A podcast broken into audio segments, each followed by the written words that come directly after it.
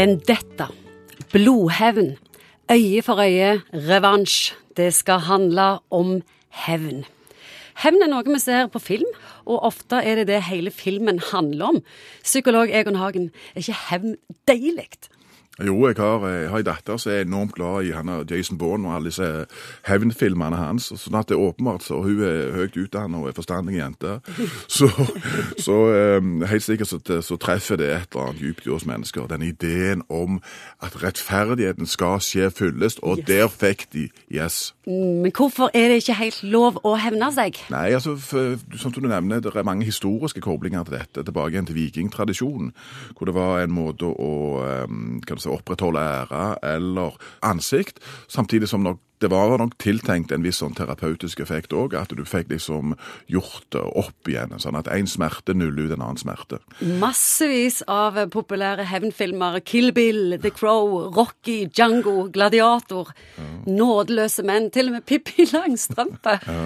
Hvorfor er det så feil når alt vi ser på film, gjør det så rett? Ja, det er jo noe med det, vet du, at det, eh, kanskje det er derfor vi har eh, lagt dette over i skjønnlitteraturen eller i dramaens verden, fordi at vi har på mange måter inngått en avtale med samfunnet om at det er storsamfunnet som har ansvar for å straffe.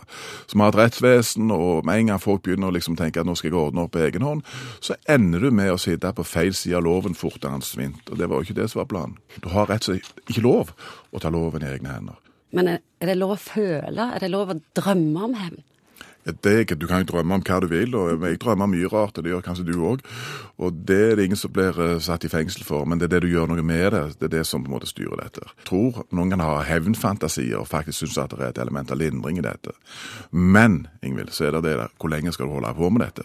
For det, det farger jo noe hele den der psykologiske virkeligheten din, den der eh, sitrende behovet for å ta igjen. Og det er ikke sikkert at du får de der fargene på hverdagen din som du faktisk hadde tenkt, hvis du bare blir værende i dette. Har du hatt eh, klienter som eh, har vært besatt av tanken på hevn? Ja, jeg har hatt eh, klienter som har vært besatt av tanken på at verden er så fordømt hard og urettferdig, sånn som man kan være noen ganger. Hvor folk tenker at skal denne urettferdigheten egentlig bare få fortsette? Vedkommende har utsatt kanskje personen sjøl for forferdelige ting, og kanskje mange andre òg. Og så ser en at ting foreldes, eller at det er ikke muligheter for å hevne dette på en normal måte. Og da er jo på en måte vår jobb alltid det der greiene. og på en måte å, prøve, Noen ganger så må du la ting gå. Du må bare la det gå. Du kan ikke bli værende i det, fordi at uh, du er i ferd med å ødelegge ditt eget liv, faktisk. Noen har sagt at den beste hevnen er å leve et godt liv. Mange tenker at når jeg har blitt utsatt for denne krenkelsen eller denne urettferdigheten, så må på en måte jeg, så må denne situasjonen komme i en form for balanse. Og balansen vil ofte være faktisk at du kan få hjelp til å erkjenne at du, jeg, alle opplever med urettferdigheter. Alle opplever med krenkelser. Og noen gjør det da til et livsprosjekt og blir værende i dette, mens andre sier at jeg tar tapet, og så går jeg videre.